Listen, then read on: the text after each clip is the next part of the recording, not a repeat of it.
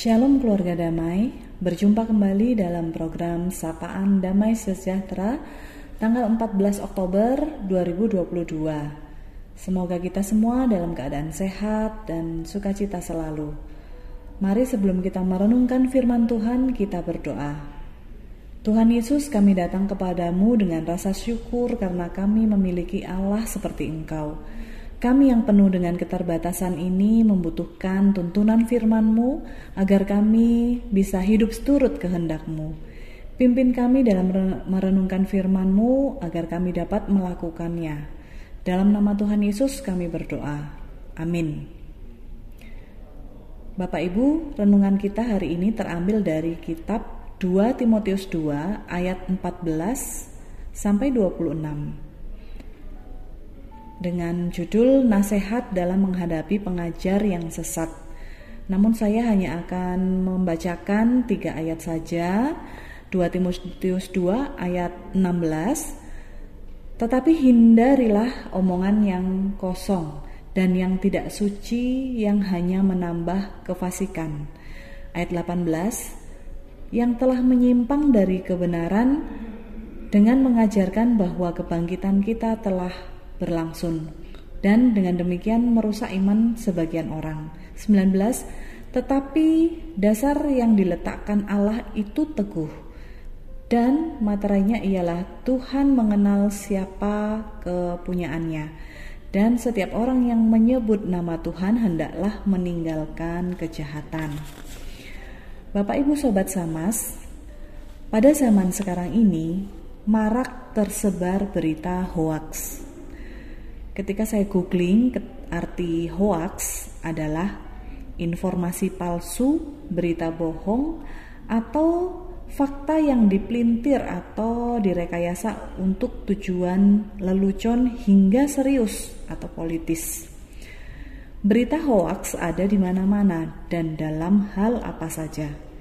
Misal pemberitaan tentang politik, tentang tokoh masyarakat, tentang selebritis, Bahkan masalah kesehatan juga ada berita hoaks yang sengaja dibuat untuk kepentingan golongan tertentu. Berita hoaks makin mudah tersebar karena adanya media sosial yang mudah diakses oleh semua orang. Jadi Bapak Ibu, saat ini kita dituntut untuk menjadi manusia yang jeli, kritis, dan tidak percaya begitu saja terhadap informasi-informasi yang kita dapat.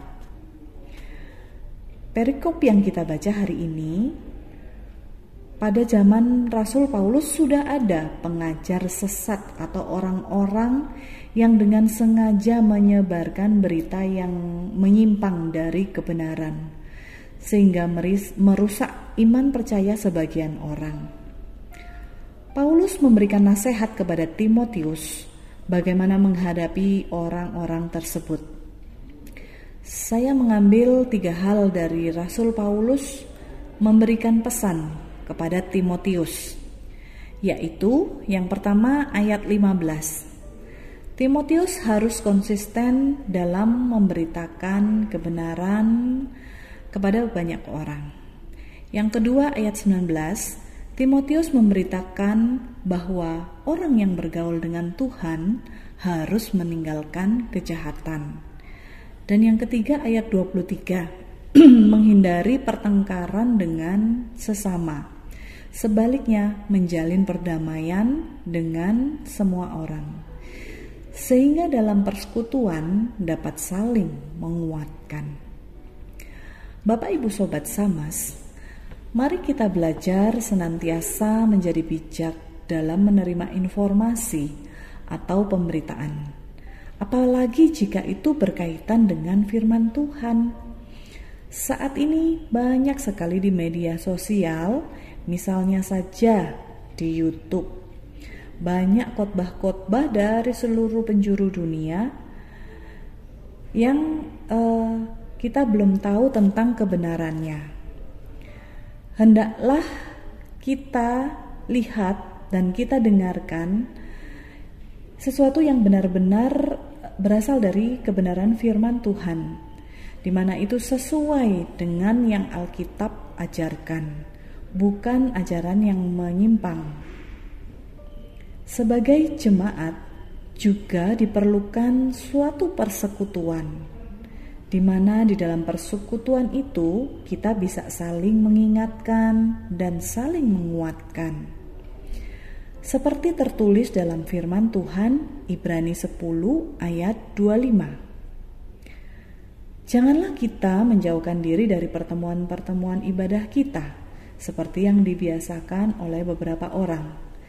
Tetapi, marilah kita saling menasehati dan semakin giat melakukannya menjelang hari Tuhan yang mendekat. Amin. Mari kita berdoa. Tuhan Yesus, terima kasih untuk renungan singkat kami pada hari ini.